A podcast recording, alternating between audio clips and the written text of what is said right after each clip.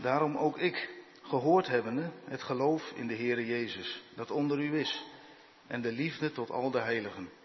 Houd niet op voor u te danken, gedenkende uwer in mijn gebeden. Opdat de God van onze Heere Jezus Christus, de Vader der heerlijkheid, u geven, de geest der wijsheid en der openbaring in zijn kennis. Namelijk, verlicht de ogen van uw verstand, opdat u moogt weten welke zij de hoop van zijn roeping en welke de rijkdom zij der heerlijkheid van zijn erfenis in de heiligen. En welke de uitnemende grootheid zijn kracht zij aan ons, die geloven naar de werking der sterkte van zijn macht. Die hij gevrocht, gewerkt heeft in Christus, als hij hem uit de doden heeft opgewekt. En heeft hem gezet tot zijn rechterhand in de hemel.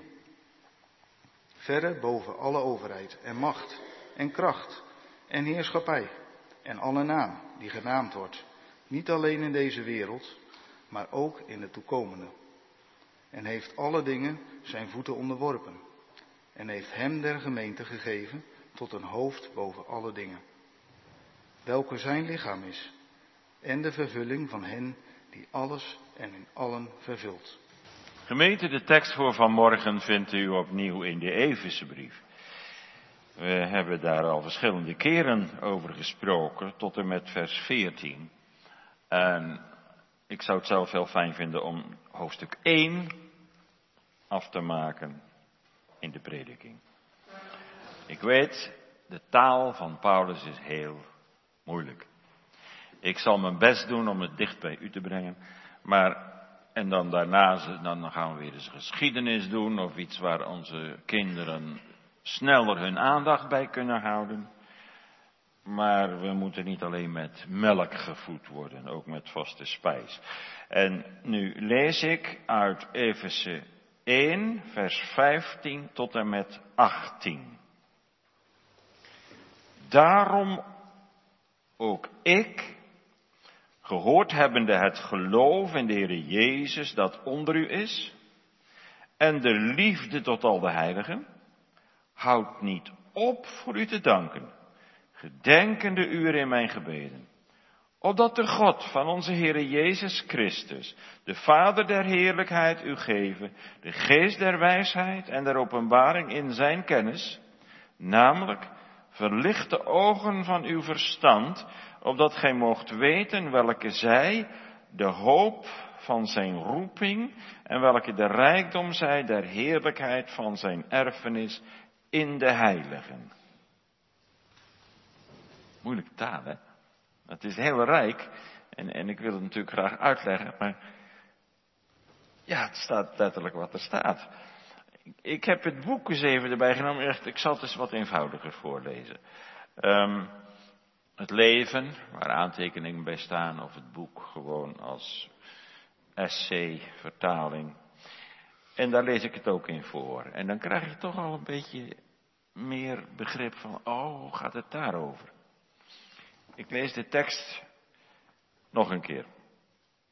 Daarom houd ik ook niet op God voor u te danken.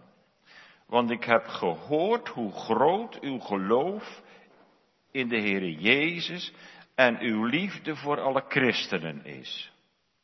Ik bid altijd voor u en dan vraag ik de God van onze Heer Jezus Christus, de Vader die alle eer verdient, om u wijsheid te geven, opdat u helder en duidelijk zult zien wie Christus is. En Hem door en door zult kennen. Ik bid dat u innerlijk vol licht zult zijn, zodat u iets zult zien van de heerlijke toekomst waarvoor u geroepen bent. Dan zult u weten wat een geweldige rijkdom God voor al zijn kinderen heeft klaar liggen. Tot zover. Nou, u bent het met me eens, dat is wat eenvoudiger gezegd. En uh, het is natuurlijk precies hetzelfde. Maar om grip op zo'n gedeelte te krijgen, ja, moet je het soms wel tien keer lezen. Het thema, het gebed van Paulus voor de gemeente. En dan twee aandachtspunten. Hij dankt voor de bewezen genade. Heel belangrijk punt.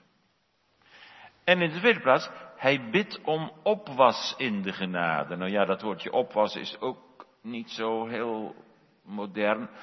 Wij zouden zeggen groei.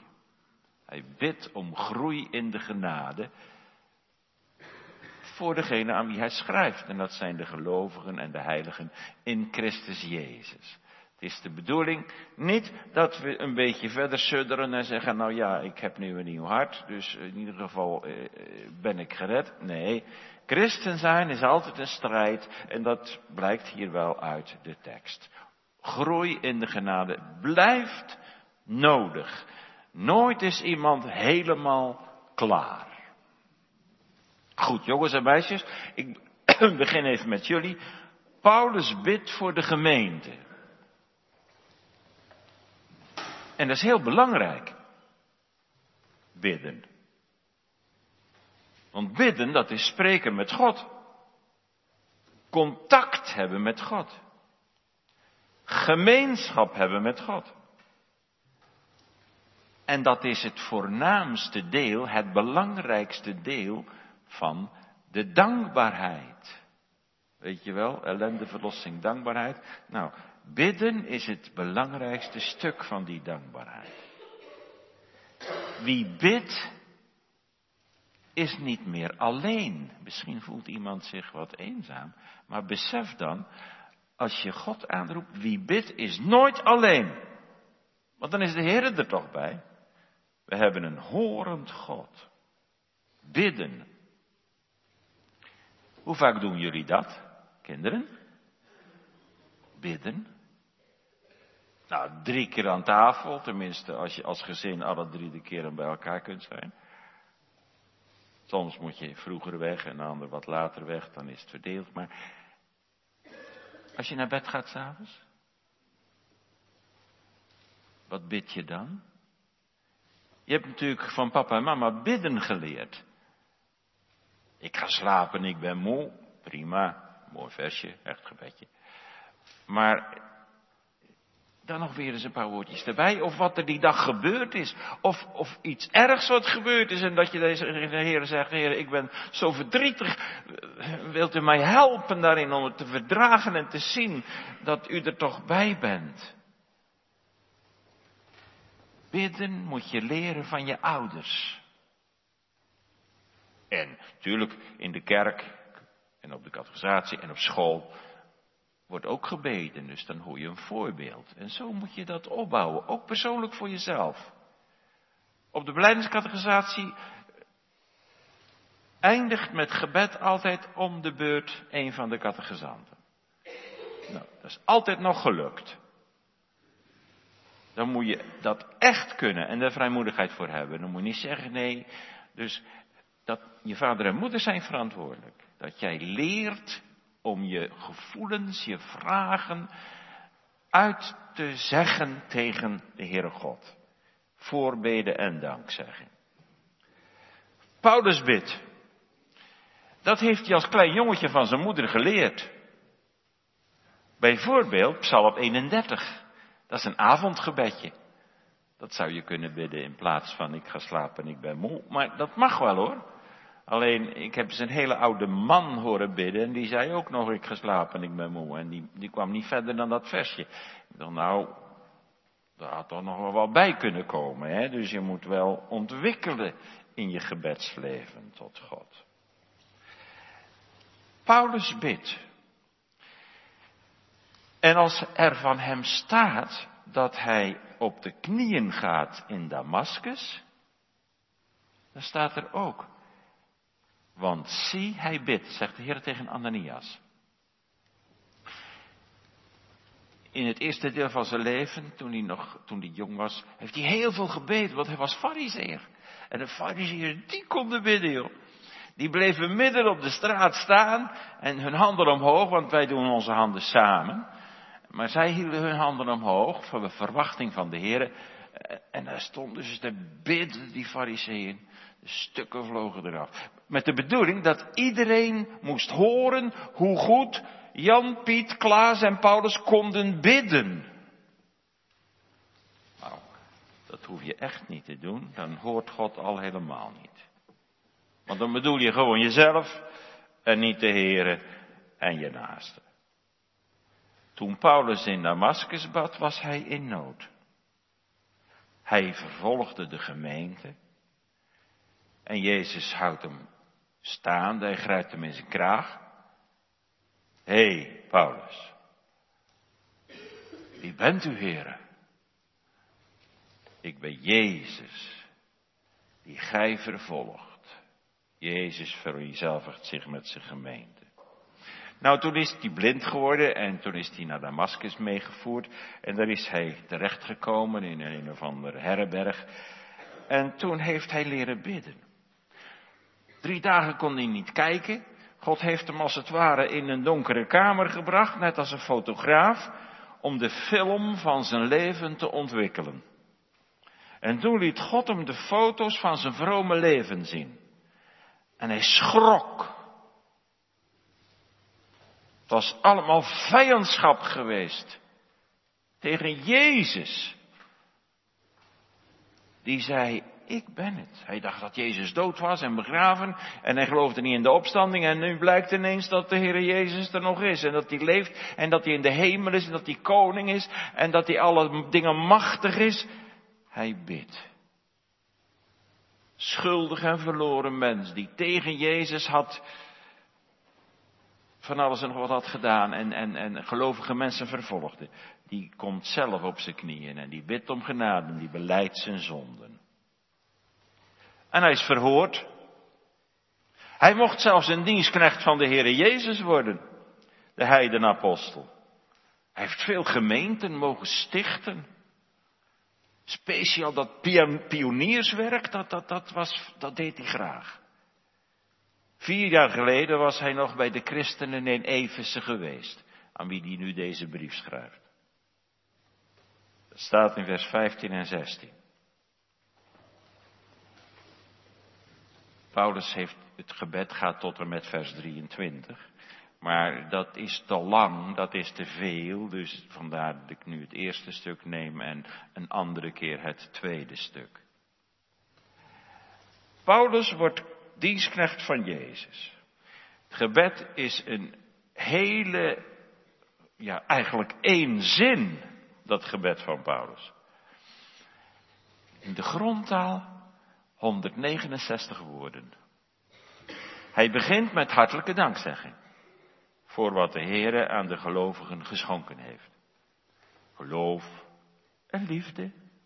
En hij eindigt met de heerlijke beleidenis van de opgestane en de verhoogde Christus, die in zijn gemeente alles in allen vervult, die alles betekent voor zijn gemeente. Als ik u zo zie zitten en jullie jongelui, betekent de Heere Jezus echt alles voor je? Zijn er geen dingen die je belangrijker vindt dan de Heere Jezus? Is goed om daar eens over na te denken. Paulus begint met dankzegging voor wat de Heer aan de gelovigen geschonken heeft. Eerst staan we even stil bij de grote lijn van het gebed. In het voorgaande deel, die eerste veertien versen, waar, al, waar ik verschillende keren over gepreekt heb, heeft Paulus de onmetelijke rijkdom van Gods genade bezongen. Een overvloed van heilsweldaden trok aan zijn geestesoog voorbij. Verkiezing en aanneming tot kinderen en vergeving van zonden en wijsheid en inzicht in het plan van God en de verzegeling door de Heilige Geest en de volkomen verlossing. De lijn werd getrokken vanuit de eeuwige vrederaad tot in het eeuwige vrederijk, de eeuwige zaligheid. En dat alles heeft Paulus zijn lezers voorgehouden. En dit gedeelte, vers 15 tot 23, daar vraagt Paulus in zijn voorbeden voor hen of ze ook werkelijk mogen leven uit die geschonken en bezongen rijkdom van Gods genade. Om daaruit te leven. Niet alleen toe te stemmen van ja, ja, het is mooi, het is rijk. Nee, daaruit te leven. Je bent er heel erg op betrokken. Je houdt er rekening mee. Je gelooft het ook. Je weet, wat ben ik rijk. De Heer geeft dit aan mij. Onze aardse ogen en ons menselijk verstand zijn te zwak en te ontoereikend om die ondoorgrondelijke rijkdom van Gods genade te kunnen bevatten. Om die volle rijkdom te leren zien, hebben wij ogen nodig die alleen God ons geven kan. En dat zijn niet die ogen hier waar een bril voor zit, maar dat zijn de ogen van het geloof. Verlichte ogen van het verstand, zegt Paulus. En als we met deze door God geschonken en verlichte ogen op de Heer Jezus mogen zien, op zijn grootheid en op zijn macht, die hem gegeven is aan de rechterhand van zijn hemelse Vader, als wij hem zien en zo toch ook met hem verbonden zijn, als gemeente, als persoon, God die verlost, de Heere die bewaart, de Heere die zijn Christus als hoofd aan zijn gemeente heeft gegeven, dan zijn wij het lichaam. Hoofd is in de hemel. Dat lichaam, dat zijn de gemeenteleden. En hier op aarde, dus wie ons tegenkomt, wie ons hoort praten of zingen of evangeliseren of eh, goed spreken over de Heer, die hoort eigenlijk Christus zelf. Die moet iets zien van de Heer Jezus in ons leven. En hier zijn we bij het doel van dat eerste hoofdstuk. Hier zijn we bij de climax. Tot deze hoogte wil Paulus zijn lezers opvoeren. Hoger kan het niet. De gemeente is het lichaam van Christus op aarde. En hij is het hoofd boven in de hemel. Nauwer kan de band niet getekend worden. De gemeente is zijn lichaam op daar. Dat moeten we dus beseffen, hè. Als je op het rond loopt, dan loopt daar iemand die hoort bij het lichaam van Christus. Voelt u? Dan komt het wel dichtbij.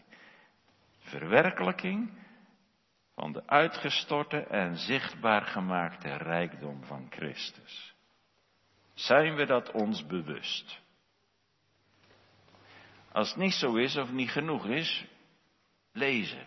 Hoofdstuk 1, Evense brief. Nog eens lezen, nog eens lezen. Matthew erbij, kanttekeningen erbij.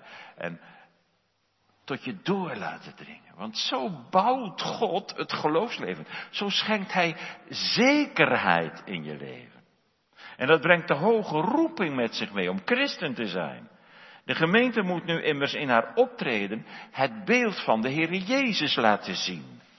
Hem als het ware weerspiegelen. Want zij is de zichtbare verschijning van de verhoogde Christus op aarde zijn lichaam. Dat is de grote lijn van het gebed van Paulus. Voor de gemeente. En vandaag wil ik de schijnwerper richten op vers, 1 tot en, vers 15 tot en met 18. Dat tweede gedeelte komt dan beleven en welzijn nog een keer. In de eerste plaats onze eerste gedachte. Paulus dankt voor de bewezen genade. Hij eindigt niet in de gelovigen, hij eindigt in God. Hij dankt voor wat God in de gelovigen werkt. En aan die dankzegging koppelt hij dan weer een gebed. En de overgang vinden we eigenlijk in vers 16.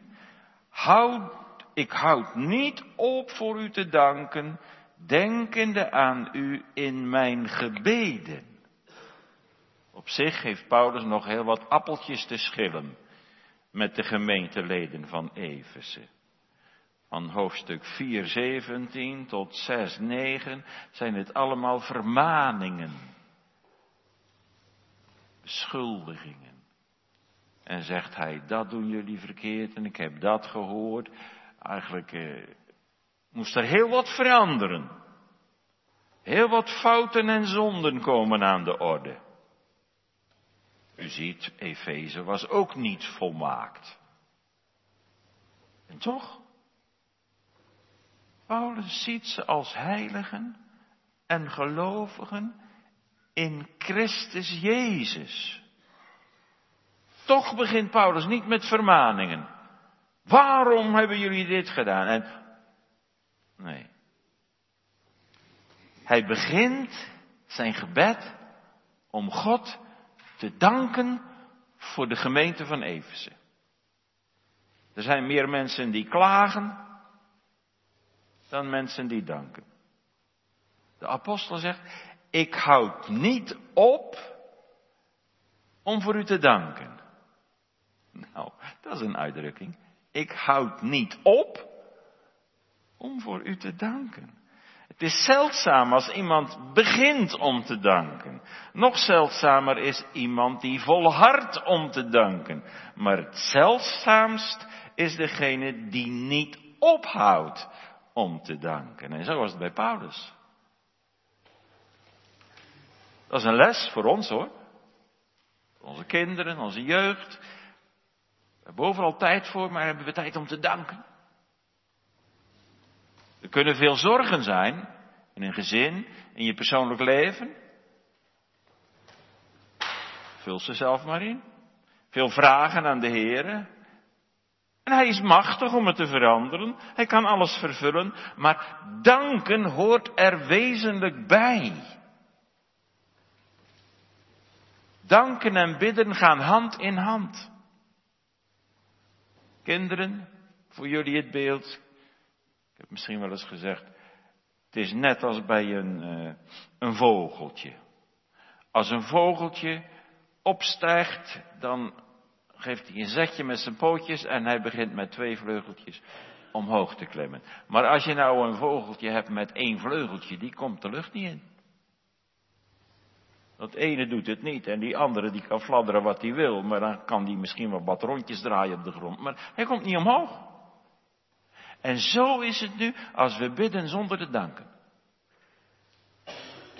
Twee vleugels. Bidden, aan de Heer vragen en danken. Lofprijzen voor wat God geeft. Paulus begint te danken. Nou, kijk jezelf er ook eens op na. Doe je dat vaak? Als je nou een gebed begint. Natuurlijk mag je in grote nood, als je helemaal overstuur bent, op je knieën vallen en zeggen, Heer, ik weet het niet meer. Natuurlijk, maar ik bedoel normaal. Je gebedsleven. Gereguleerd. Dan mag je beginnen met danken en lofprijzen. Dat doet Paulus steeds ook in zijn brieven. Hij begint met danken. Dat wil de Heer. Hoe groot je probleem ook is. Paulus dankt en wij mogen hem navolgen. Niet voor niets lezen we die brieven van Paulus en al die raadgevingen. Want er zijn heel wat zorgen in de gemeente van Efeze. Dat was echt waar. En toch begint hij eerst met de lofprijzing van God.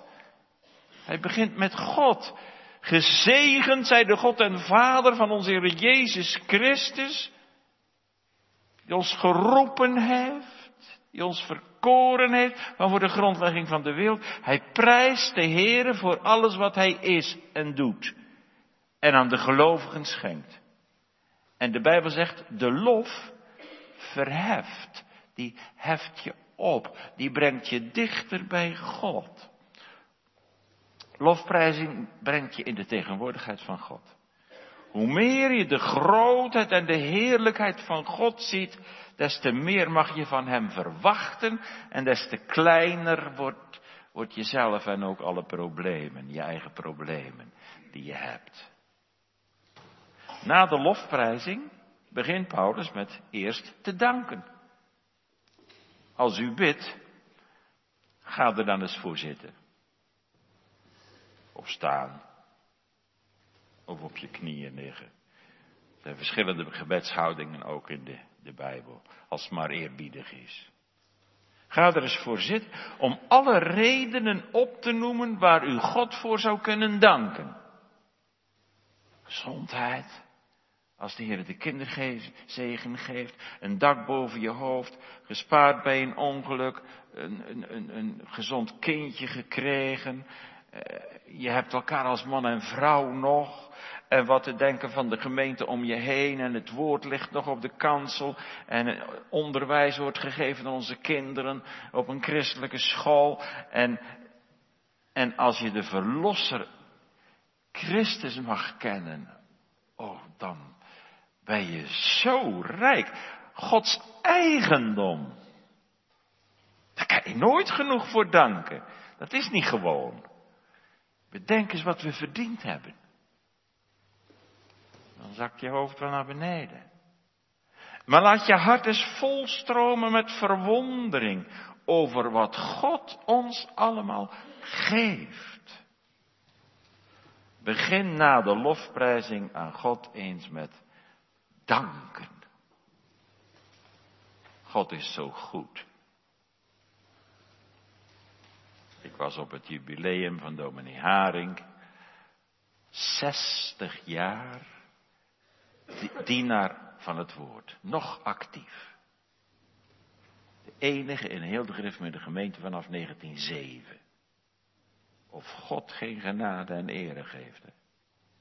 Maar toen werd er een boek aangeboden, wat hij het laatst weer geschreven had. 89 jaar. Wat hij het laatst weer geschreven had. En de titel is De goedheid van God. Daar zag hij zoveel rijkdom in. Uit veel gelezen de Puritijnen. The beauty of Christ. En daar zit zoveel lofprijzing in. En dat hij dat, misschien is zijn laatste boek, misschien niet, maar God is zo goed, gemeente, als je het maar ziet. En als je het ziet, dan ga je danken en lofprijzen. En dan krijg je ook vrijmoedigheid om je met je eigen problemen naar de Heer toe te komen. Of Hij je wil helpen, of Hij het wil maken. De uitnemendheid van zijn kracht kan alles. Leg je nood maar voor de Heer neer, je persoonlijke noden, ook ziekte, eenzaamheid, relaties die verbroken worden, de verzoening met God, maar ook alles wat verband houdt met de uitbreiding van Gods koninkrijk, de gemeente, de gemeente, de Eskolkerk. Er zijn wel eens wat mensen die weggaan met hun kinderen. En daar hebben wij geen oordeel over nu. Maar Misschien zouden we met elkaar daar eens over kunnen praten. Van waarom eigenlijk? Wordt er dan nu een valse leer verkondigd? Misschien is de Heer Jezus over twee jaar wel terug. Was het dan nog de moeite om te gaan? Snapt u? Neem het mee in uw gebed. Jezus Christus. Het geloof van de Efeziërs in de Heer Jezus en de liefde tot al de heiligen. Daar dankt Paulus voor. Geloof en liefde. En even later noemt hij ook nog de hoop. Nou, dan heb je ze alle drie bij elkaar. Ze geloofden in de Heer Jezus. Ze vertrouwden op de Heer Jezus. Ze vertrouwden op het offer dat Hij bracht voor de zonde aan het kruis. Een christen gelooft in de vergeving van zonden. Om Jezus wil.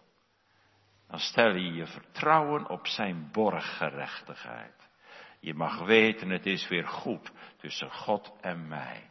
Je kunt je blijdschap niet op als je mag weten, ik ben gered geestelijk gezien. Hè? Net als die stokbewaarder. Die was met heel zijn huisgezin aan de Heere gelovig geworden. En bij dat geloof hoort de liefde, dat noemt hij hier ook. Liefde niet alleen tot God, ja dat wel in de eerste plaats. Maar ook tot al de heiligen. Het geloof is door de liefde werkende. Christus is net als een grote magneet, jongens en meisjes grote magneet. Ja, die hebben jullie niet meer. Vroeger, op die oude fietsen, had je, had je zo'n oude dynamo en die uh, gingen langs de band en dat draaide en daar zat dan een magneet in.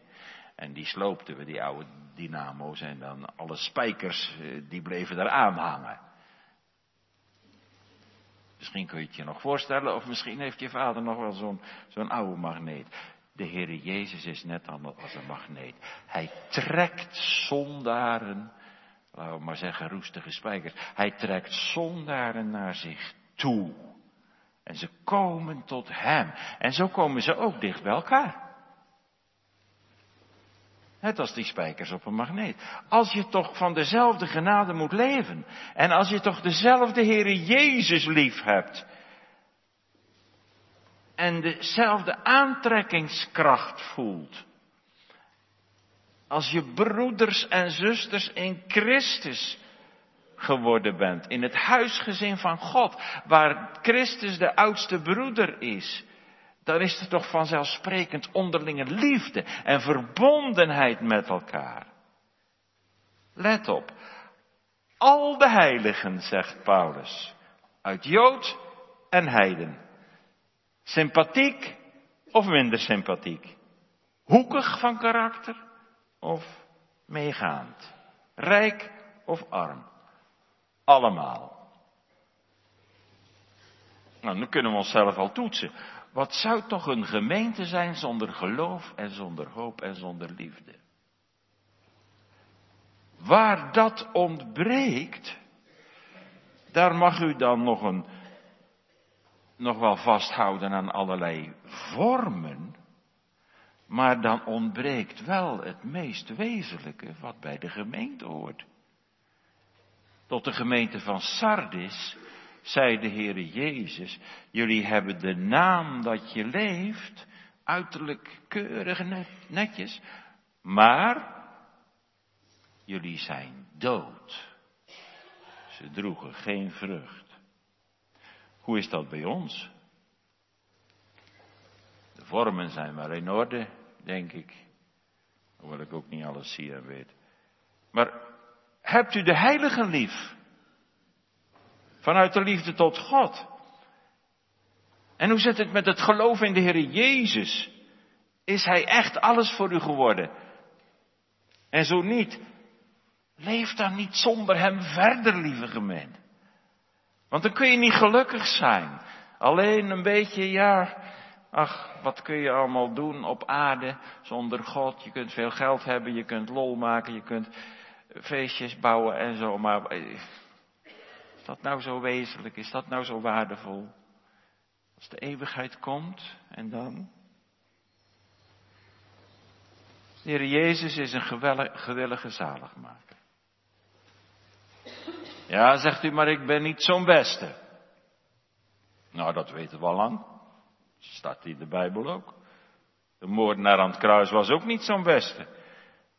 Maar de Heere Jezus is niet gekomen om opgeknapte beste mensen zalig te maken, maar zondaren, verloren mensen, schuldigen. Tot zover onze eerste gedachte. Paulus dankt voor de bewezen genade.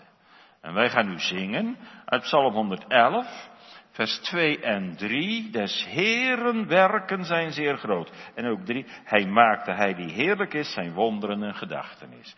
In 2 en 3 uit Psalm 111.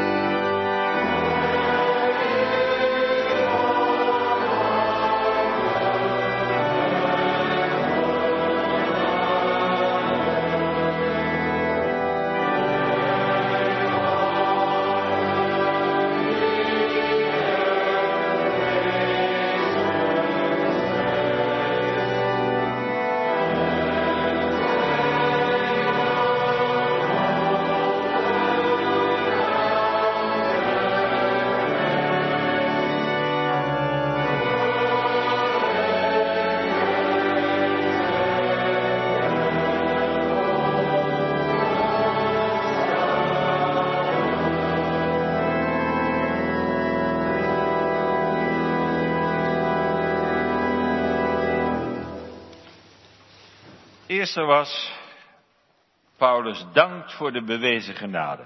En nu het tweede, Paulus bidt om groei in de genade, in het geloof. We lezen vers 17 en 18. Opdat de God van onze Heere Jezus Christus, de Vader der heerlijkheid, u geven de geest der wijsheid en der openbaring in zijn kennis, namelijk verlichte ogen van uw verstand, opdat gij moogt weten welke zij de hoop van zijn roeping en welke de rijkdom zij der heerlijkheid van zijn erfenis in de heiligen. Moeilijke taal, maar wel heel rijk. Vers 16 laat ons zien dat Paulus dankgebed overgaat in voorbeden. En die voorbeden, die richt Paulus tot de God van onze Heere Jezus Christus. Met andere woorden, de grond voor de verhoring van het gebed van Paulus ligt in de Heere Jezus als de verhoogde Heere, als de zaligmaker aan de rechterhand van God, door God de Vader gezalfd tot middelaar, tot zaligmaker.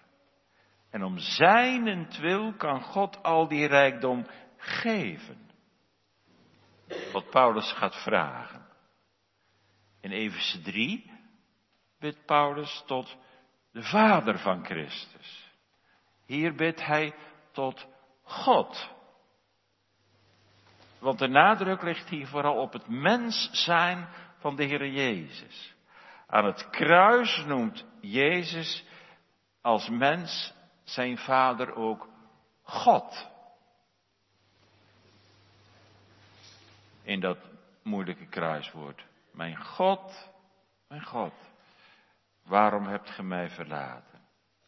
Dat hangt samen met de inhoud van het hele hoofdstuk, dat uitloopt op de openbaring van iets heel bijzonders, namelijk de identificatie van Christus met zijn gemeente, zijn lichaam. Paulus noemt God hier de Vader der heerlijkheid. Als Vader bezit hij de heerlijkheid en straalt hij die uit, vooral in verband met de verhoging van Christus. Paulus heeft, geeft glorie aan deze heerlijke God, die vanuit zijn eeuwige liefde voor verzoening zorgde. De aanneming tot kinderen, de verzegeling met de Heilige Geest. Hoe groot en aanbiddelijk is deze drie enige God. De Vader der heerlijkheid. En nu de kern van de zaak. Waar vraagt Paulus in de eerste plaats om? Om de werkingen van de Heilige Geest. Niet om de Heilige Geest zelf, want die hadden ze al ontvangen. Ze zijn toen ze tot het geloof kwamen verzegeld met de Heilige Geest. Vers 13. En hier worden twee van de werkingen van de Heilige Geest genoemd wijsheid en de openbaring in zijn kennis. En daarvoor hebben ze nodig die verlichte ogen om te kunnen kijken naar de inhoud van de hoop en de rijkdom van de erfenis. Hier rijst een vraag. Hoe is het mogelijk dat Paulus bidt om de geest en wijsheid en openbaring van zijn kennis voor mensen die de Heilige Geest al ontvangen hebben. En verzegeld zijn. Hoe kan de apostel daarom vragen? Het antwoord is dit. Wat zij al ontvangen hebben, moet telkens weer versterkt worden. Het goede werk dat God in hen begonnen is, moet voleindigd worden, afgemaakt worden. En in dat geloof in de Heer Jezus en de liefde tot al de heiligen, moeten ze meer en meer toenemen. Nou, kijk nu eens naar je eigen leven. U die gelovig bent, als we avondmaal hebben, dan zijn er heel wat mensen uit de gemeente die de naam van de Heer Jezus beleiden. En dat is heerlijk, dat is groot. Maar vindt u ook niet dat, dat je altijd kan zeggen, ja, ik, ik wil nog zekerder zijn. Niet dat je ontevreden bent over de Heer, je bent daarbij over jezelf. Heb ik wel zo geleefd, zoals God wilde. Maar om zeker te zijn, iedere keer moet het bevestigd worden. Net als de liefde tussen twee mensen, of je nou verkering met elkaar hebt, vriendschap of in je huwelijk. Die liefde moet bevestigd worden. En dat maakt je zekerder van de zaak. En zo is dat hier ook. Je mag altijd vragen om nog meer. En dat is niet ontevreden. Ze mogen leven uit de geschonken rijkdom van Christus. En dat mogen ze beseffen. En straks komt de erfenis. Maar kort gezegd, Paulus vraagt hier om groei in de genade.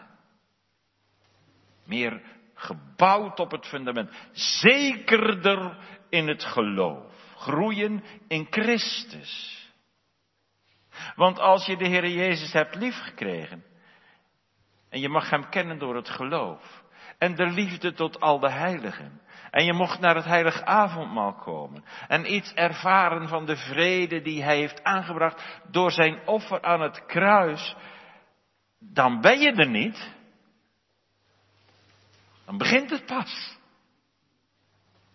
Want dit zijn de kenmerken van een christen. Dan begint het pas. Wat begint er dan pas? Nou, dan kan ik zeggen welkom in de strijd. De strijd van het geloof. De strijd tegen de zonde.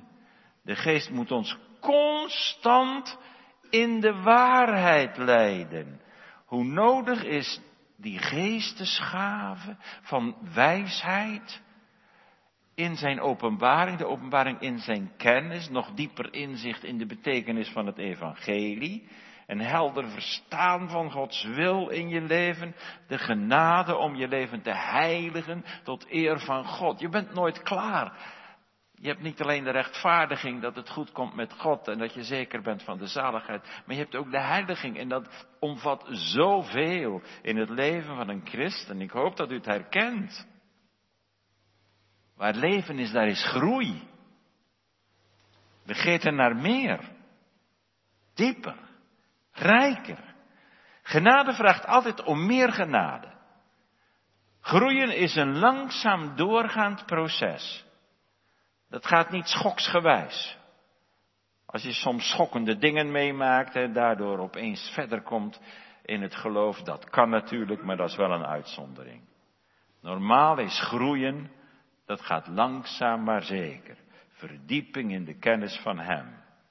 Meer zelfkennis, meer godskennis, meer Christuskennis, meer ellendekennis, meer kennis van de verlossing, meer kennis van de dankbaarheid. Het gaat allemaal samen op. En wat wisten die gemeenteleden in Efeze nu al? Veel geestelijke, rijke zegeningen die ze ontvangen hadden, heeft Paulus hen voorgehouden. De Vader en de verkiezing, de Zoon en de verlossing, de Geest en de verzegeling, aanneming tot kinderen, vergeving van hun misdaden, staat er. Inzicht in Gods heilsplan, maar ook met betrekking tot de toekomst, de nieuwe schepping. En waar vraagt Paulus nu om? Meer wijsheid, meer kennis. De grootheid van Gods kracht. De invloed van zijn koningschap. Dat hij duidelijk het hoofd is van de gemeente en wij beseffen en beleven en eruit leven dat wij zijn lichaam zijn. U die God mag kennen en liefhebben, Vindt u dat u nu genoeg weet en dat je kunt zeggen, nou nu ben ik klaar en nu kan ik in een stoel gaan zitten en rusten of andere dingen doen, want dat geestelijke is nu in orde. Nou, dat kan echt niet hoor, gemeente. Je, je bent altijd bezig om de Heer te dienen, te prijzen en zijn beeldgelijkvormig te zijn. En daar heb je de Heilige Geest voor nodig. Meer kennis van Christus. Wat dacht u? Niet alleen in zijn vernedering, maar ook in zijn verhoging. Als de grote hoge priester in de hemel, die bidt voor zijn gemeente, die zijn gemeente zegent, die ons vasthoudt. Paulus wijst op hem. Kinderkens, en is Johannes, indien wij gezondigd hebben, we hebben een voorspraak bij de Vader. Jezus Christus de rechtvaardige. Wat is dat heerlijk als je oog daarvoor open gaat. Voor wat Hij allemaal gedaan heeft. En het gaat om de kennis daarvan. Niet alleen maar de verstandelijke kennis, maar de geloofskennis, de relatiekennis, het inzicht, het leven daaruit. Hoe meer we Jezus kennen, hoe meer we op Hem gaan lijken. Dat, dat, dat, dat wil je vanzelf. Een christen moet groeien in het geloof en in de liefde. En in de kennis van Gods heiligheid en in de kennis van Gods barmhartigheid. En in de verzekering van de vergeving van zonden. En in het vertrouwen op Gods beloften. En in het volbrachte werk van de Heere Jezus. De kinderen zingen wel eens de boom die wordt hoe langer hoe dikker. Maar zo is het nou net niet hoor. Dat is niet de groei in de genade. Dan kan je zeggen, de boom die wordt hoe langer hoe dunner. Steeds minder van mezelf. En steeds meer van Hem. Groeien. In het doel wat genoemd is. De verkiezing om heilig en onberispelijk voor Hem te zijn in de liefde. Nou, daar heb je groei voor nodig. Ziet u hoe belangrijk dat gebed van Paulus is? Om groei in de genade. Waar groei is, daar komen vruchten. En die vruchten zijn niet voor ons, maar voor de eigenaar van het land. Voor de drie enige God. Je wordt toch wel blij met dit gebed van Paulus, vindt u niet? Als je het een klein beetje gaat doorgronden en begrijpen. Hij zegt nu niet, ja, Paulus, dat is me uit het hart gegrepen, dat heb ik nodig wijsheid, openbaring, kennis, verdieping van het geloof. Ik wil u volgen, heren. Maar bewaart u mij dan voor struikelen. Paulus dankt God voor zijn bewezen genade in de gemeente van Efeze. Maar hij bidt ook om groei in de genade en verdieping. Om het doorbrekende werk van de Heilige Geest. Zodat Gods kinderen zeker worden van hun zaligheid. Er meer blijdschap van uitstraalt en meer vruchtbaarheid zal zijn. Alleen de Geest geeft die wijsheid. En die past de betekenis toe van het verzegeld zijn en het eigendom van Christus zijn. En zo alleen kun je de rijkdom beseffen die de geest geeft, de wijsheid, inzicht in Gods plan, de bedoeling van het evangelie, inzicht in de heilsopenbaring van God, maar ook de openbaring van in zijn kennis, want die jonge christenen in Efeze zijn nog maar zo kort geleden bevrijd van al hun heidense angsten en zedeloosheid en hun leven midden in een heidense omgeving. En daarom noemt Paulus de geest hier ook de openbaring van zijn kennis. De geest der openbaring van zijn kennis. Dus om hem, de Heere God, de Heere Jezus te kennen, is de Heilige Geest nodig. Dat woordje openbaring, dat kent u wel. Het laatste Bijbelboek heet zo. Eh, in, in het Grieks staat eh, apocalypsis, apocalyptiek, leer van de toekomst, verduistert een beetje, niet zo helder. Daniel heeft ook van die hoofdstukken en Zacharia ook, hebben we gezien. Het slaat op onthullingen van nieuwe gedachten. Gods gedachten. Het slaat op het wegnemen van de sluier die als het ware nog zoveel van de diepten van Gods genade verborgen houdt. Dat woord gebruikt de Bijbel ook voor de wederkomst van Christus om die aan te duiden. Het onthullen van datgene wat de gelovigen nooit hebben gezien van Gods heerlijkheid en van de rijkdom van Christus. Vandaar openbaring. Je ogen gaan ervoor open. Je eigent het je toe. Je leeft eruit. Zijn kennis staat er letterlijk. Zijn kennis. Kennen van Hem. Dat ze God en zijn genade hoe langer hoe meer leren kennen. En daar wordt in de grondtaal niet alleen het woordje voor kennen gebruikt, gnosis, maar het gaat over epignosis. En dat zou je kunnen vertalen met um, erkenning. Dat is een goed woord. De erkenning daarvan, van die genade die God verheerlijkt in en door Christus. Dus je ogen moeten zo verlicht worden en herschapen worden dat je in de Bijbel die geloofszaken ziet en kent, scherper, duidelijker, dieper. Dat God steeds rijker en dieper gekend mag worden. Opdat met andere ogen zien spreekt Paulus in het vervolg. Hij zegt, verlicht de ogen des verstands. Hij veronderstelt dat ze die geestelijke ogen al hebben. Hij schrijft uiteindelijk aan de gelovigen.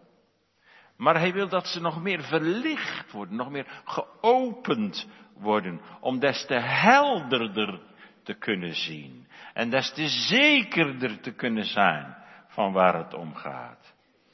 En in het Grieks staat eigenlijk ook niet verstand, maar er staat hart. Tenminste, het woordje cardia. Misschien moest u wel eens naar de cardiologie. Hart, hartekennis. In de Bijbel is het hart van de mens het centrum van je gevoelsleven, van je wilsleven. Daar vallen de beslissingen. Met het hart geloof je ter zaligheid. Uit het hart zijn de uitgangen van het leven. En weet u waar het vooral om gaat? En dan kom ik weer terug en u zegt misschien dat is weer hetzelfde. Het gaat vooral om de kennis van de Heere Jezus als de zaligmaker, de Zoon van God, gezonden tot verlossing, omdat God zo lief de wereld had. Jezus, die zijn bloed gaf, zijn liefde, zijn heerlijkheid, zijn trouw, zijn gewilligheid, zijn zijn rijkdom kreeg u zo ook zicht op Hem. Dat verdiept je geloofsleven. Stelletje wat gaat trouwen, vraagt hoe lang kennen jullie elkaar al? Ja, vanaf uh, middelbaar onderwijs zaten we bij elkaar in de klas. En we kenden elkaar al uh, Jarenlang. En toch kenden we elkaar niet, want pas voor het eind sprong de vonk over. En toen werden we verliefd. En toen kregen we verkering met elkaar.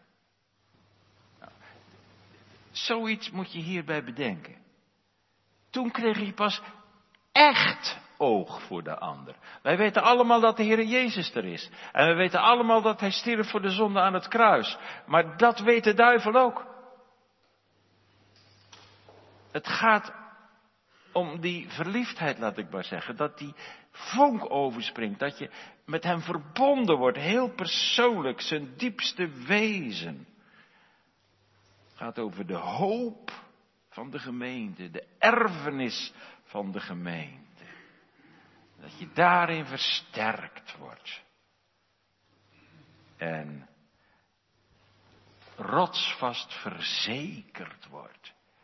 Dus het gaat uiteindelijk steeds over datzelfde thema. Hè? We moeten verdiept worden. We kennen Hem, maar we moeten meer van Hem leren kennen. We vertrouwen op Hem, maar soms ook weer niet. En dan moeten we leren om in alle omstandigheden op Hem te vertrouwen. De hoop is het anker van de ziel dat wordt uitgeworpen in de rotsbodem van Gods onfeilbare beloften. Al die beloften zijn in Christus Jezus ja en amen. En daaruit komt voort het vaste vertrouwen. Dat God zijn beloften vervult. Het leven van de hoop is het leven van de heiligmaking in de verwachting van Jezus' komst.